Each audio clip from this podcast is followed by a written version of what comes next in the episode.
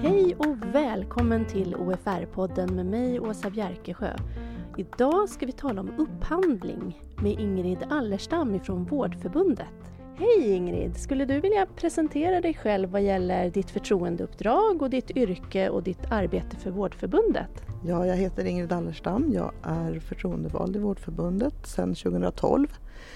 Jag sitter i avdelningsstyrelsen i Stockholm sedan 2017 och brinner väl för alla Vårdförbundets och fackets frågor skulle jag vilja säga. Ja, för jag undrar hur kom det sig att du gav dig in på just upphandlingsärenden som facklig förtroendevald? Ja, det var väl lite av en slump kan jag säga. Det, jag jobbar ju på Karolinska Universitetssjukhuset där jag har min grundanställning och kom in i upphandlingar lite grann där som förtroendevald med facklig tid. Sen när jag kom med i avdelningsstyrelsen så behövde vi också ha en företrädare bland annat i beredningsgruppen för upphandling i Region Stockholm och då utsågs jag till att sitta där.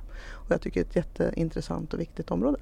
OFR har ju med hjälp av experter och sakkunniga tagit fram handboken Bättre offentlig upphandling och i och med lanseringen av den så hade vi ett frukostseminarium här på OFR med titeln Att våga och lyckas med offentlig upphandling där du var en av talarna. Och nu undrar jag, om man är osäker som fackligt förtroendevald och ska delta i arbetet med en upphandling för första gången, hur vågar man? Jag tror inte att man ska vara särskilt rädd alls för att våga. Inom ett fackförbund så är vi flera. Det gäller alla fackförbund. Vi hjälps åt. Vi är fler som kan prata med varandra. Jag tror också det handlar mycket om att våga fråga. På arbetsgivarsidan sitter de inte heller med all kunskap. De som upphandlar även om de har arbetat många år med upphandlingar så kan de inte det vi kan bidra med många gånger. Och jag tror att man ska se sig själv verkligen som någon som har något att komma med och förstå att de man träffar när man kommer in i de här sammanhangen sitter inte med all kunskap och behöver oss. Och när bör man försöka komma med i upphandlingsförfarandet och hur ser man till att få vara med? Ja, man ska komma med så tidigt som möjligt naturligtvis men det här handlar väldigt mycket om att få en struktur och en, en organisation i samarbete med arbetsgivarna. Det här är en fråga för medbestämmande, MBL och en fråga för arbetsmiljö. Så medbestämmandelagen och arbetsmiljölagen är viktiga att ha med sig i kontakt med arbetsgivaren här. Och eftersom vi är på den offentliga sidan så har vi kollektivavtal med alla våra arbetsgivare och de har en skyldighet att antingen MBL-förhandla eller så är MBL-förhandlingen inom samverkan när det gäller upphandlingar. Så att det behöver skapas en struktur. Och hur kan man som facklig företrädare påverka då i de här upphandlingarna? Vilka krav ska man ställa? Då blir ju det också en fråga för vilken typ av upphandling är det frågan om? Vilken bransch är det?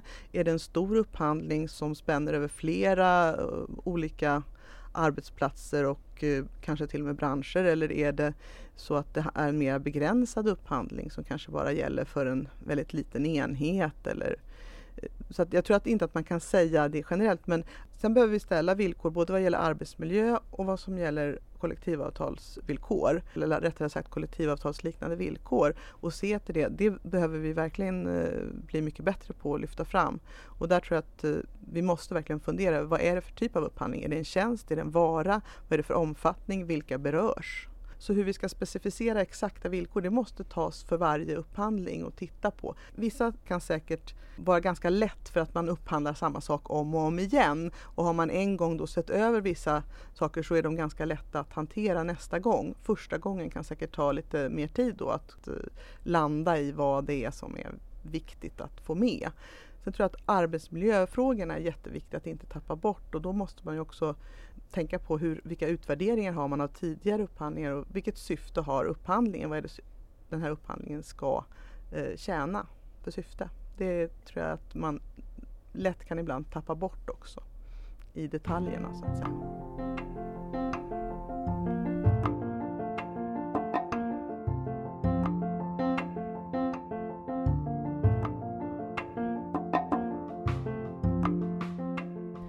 Ofta så talar man ju om priset för den upphandlade tjänsten som avgörande. Men hur kan man istället få fokus att ligga på kollektivavtal, arbetsmiljö och allt det här som är viktigt?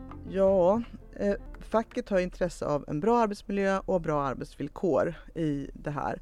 Eh, sen är det ju inte så att fackliga företrädare har något annat intresse än skattebetalarna av att upphandlingarna blir effektiva och kommer alla medborgarna till gagn. Och då behöver man ju naturligtvis titta på vad är det för syfte? Lågt pris är ju inte alltid billigast i längden. Och då får man ju tänka på det att det finns en mängd kostnader också som kan uppstå till följd av att man inte sköter sina upphandlingar och som kan vara svårt att se sambandet med. Eh, leder det här till ökad stress hos personalen så att man får mera sjukskrivningar till exempel? Har vi större personalomsättning? Blir det ett merarbete som kostar så att personalen, det här fungerar inte, vi har köpt upp nu en, en vara eller en tjänst som inte riktigt fungerar och då löser vi det på ett annat sätt. Om inte det fångas upp att man gör det till exempel, då har man en merkostnad och man har, uppfyller inte syftet. Och risken blir ju om man inte har en tillräckligt verksamhetsnära uppföljning att man missar de här kostnaderna helt enkelt. Sen är det en grannlaga uppgift att hitta allt och fånga allt och det är inte så lätt. Jag tänker på väldigt mycket som handlar just om att personer som arbetar ute i verksamheter och kommer i kontakt kanske med upphandlade varor och tjänster vet inte ens att det är upphandlade varor och tjänster som de kommer i kontakt med alla gånger. De ser någon de samarbetar med, de ser något som används och tänker ju naturligtvis mer på hur man jobbar och vad det har för betydelse för ens eget arbetssituation och arbetsförhållanden men man tänker inte på om det är upphandlat eller inte om man inte är involverad och informerad om det. Jag lyssnade på företrädare för IVO som pratade om till exempel att det finns en mängd digitala lösningar som man har upphandlat. Eh, när Inspektionen för vård och omsorg fått in eh, ärenden som varit kopplade till den här inköpta digitala lösningen, då har det sällan handlat om att man har använt den här produkten fel. Utan det har handlat, eller det har, tvärtom, det har handlat om att man har använt produkten fel, men det har inte handlat om att det har varit fel på produkten. Och då är frågan varför använder man produkten fel? Är det bara en brist i utbildning, att man inte har fått lära sig använda den? Eller fyller den inte syftet faktiskt i verksamheten som man hade tänkt sig?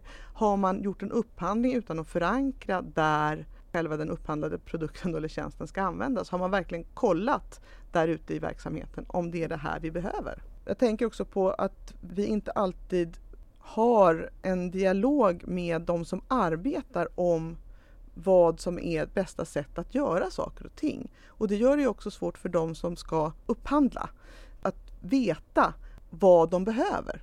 Då kan man sitta långt från en verksamhet och tro att det här skulle fungera jättebra. Men har man inte dialog åt båda håll i sina organisationer då riskerar man faktiskt att få betala en massa pengar i onödan.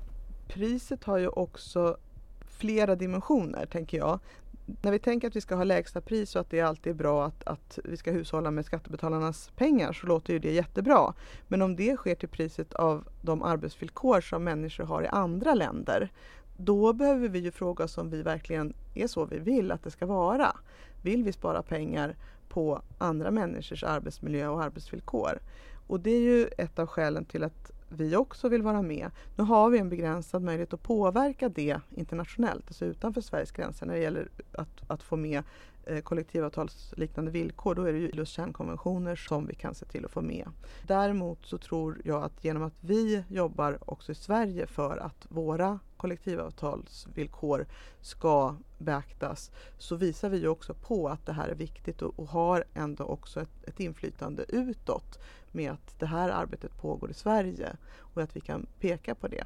Jag tror att det är väldigt viktigt att vi för den här dialogen också när det handlar om upphandlingar och, och i samverkan för där kan vi också i dialog med arbetsgivaren, även om vi inte kan ställa villkoren, påverka arbetsgivaren i att verkligen tänka efter här. Köper vi det billigaste bara för att det är billigast? Eller är det faktiskt så att vi kan säkra upp och kontrollera på plats att det också inte är till exempel barnarbete eller att människor arbetar under alldeles oacceptabla förhållanden. Eller till exempel inte har, får en lön som de kan leva på.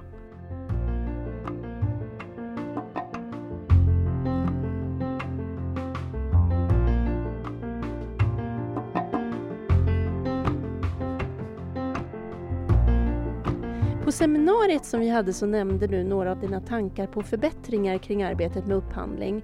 Och för de av våra lyssnare som inte var på seminariet så vill jag gärna att du berättar lite om dem. Ja, jag nämnde bland annat eh, som jag tror är väldigt grundläggande för att vi ska verkligen kunna vara med i det här och att vår samverkan och MBL ska fungera. Vi måste ha tid fackliga företrädare måste ha tid eh, för att kunna delta i eh, det här arbetet och det gör vi inte på 5-10 minuter här och där. Och vi behöver då många gånger förhandla facklig tid. Jag tror att den tid vi förhandlar fram idag är otillräcklig, särskilt i de kommuner och regioner där man har mycket upphandlingar. Det här behöver man se över. Ett exempel är ju då, som jag kan se, kommuner som upphandlar äldreboenden för första gången. Då har jag ser till mitt eget fackförbund, vi har då medlemmar i alla de äldreboenden som finns i den här kommunen. Då säga. Vi kan då också diskutera och förhandla facklig tid utifrån antalet medlemmar som är anställda i kommunen. I samband med att man upphandlar så har vi då lite mer tid i alla fall.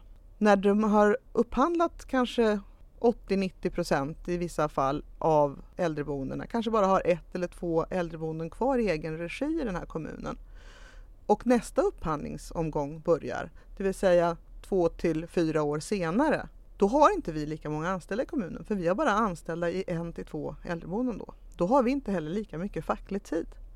Då är frågan, hur ser den här huvudmannen, i det här fallet kommunen, kan lika gärna vara en region i något annat sammanhang, på det faktum att vi faktiskt behöver vara med i ett utvärderingsarbete, i en dialog med kommunen om upphandlingen när vi då inte har lika mycket facklig tid. Jag tror att det här inte bevakas i, i den utsträckning det skulle behöva göras, vare sig i kommuner eller regioner. Detsamma gäller ju skyddsombudens tid. Om vi tänker oss att man ska vara bra på att utvärdera, då handlar det om att verkligen jobba med arbetsmiljöfrågorna också, kopplat till upphandlingarna.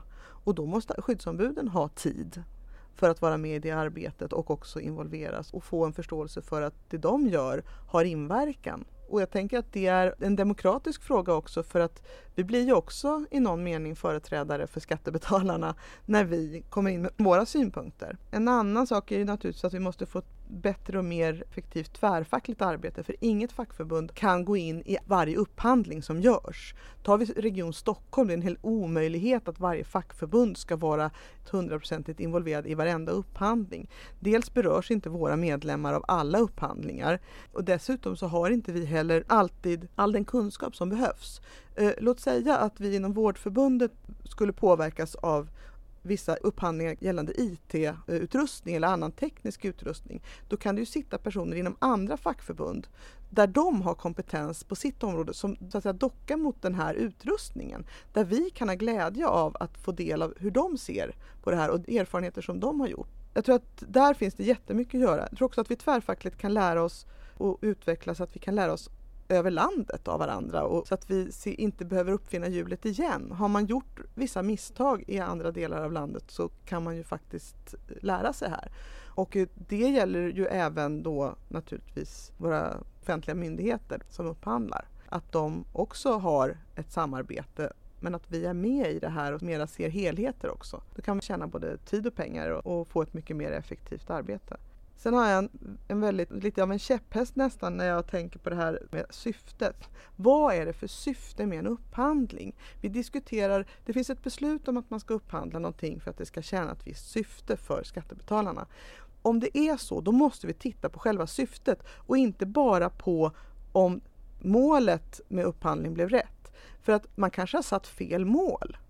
De mål man sätter upp kanske inte gör att vi uppnår det syfte som är avsett. Blev det ett mervärde eller inte? Blev det här mer effektivt? Fick vi mer för pengarna här? Förbättrade vi någonting eller försämrade vi? Att våga backa om också. Risken finns att det sitter samma personer och upphandlar om och om igen år efter år efter år och det är samma personer som lämnar synpunkter och inga nya kommer in. Men vi vet att ute i verksamheterna så sitter inte samma personer alla gånger och de kanske inte ens har varit med i det här arbetet eller kopplats in. Jag tror att man försöker koppla in många gånger och i vissa sammanhang tror jag absolut att det är alldeles utmärkt. Så att det fungerar säkert på många håll. Men jag tror inte det finns en samlad bild av hur väl det fungerar. Och jag tror absolut att det finns ett jättestort utrymme för förbättringar. Till sist Ingrid så undrar jag, har du några ytterligare tips på hur man kan få mer kunskap kring upphandling?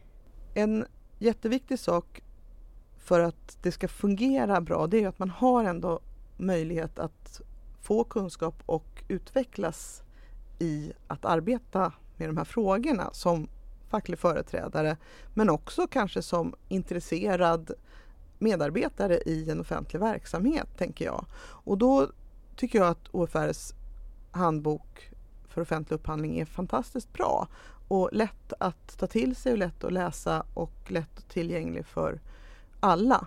Och jag skulle verkligen vilja rekommendera alla som har någon som helst intresse, inte bara för upphandlingar utan för hur deras verksamhet faktiskt fungerar och kan påverkas av de upphandlingar som görs, att ta sig en titt i den.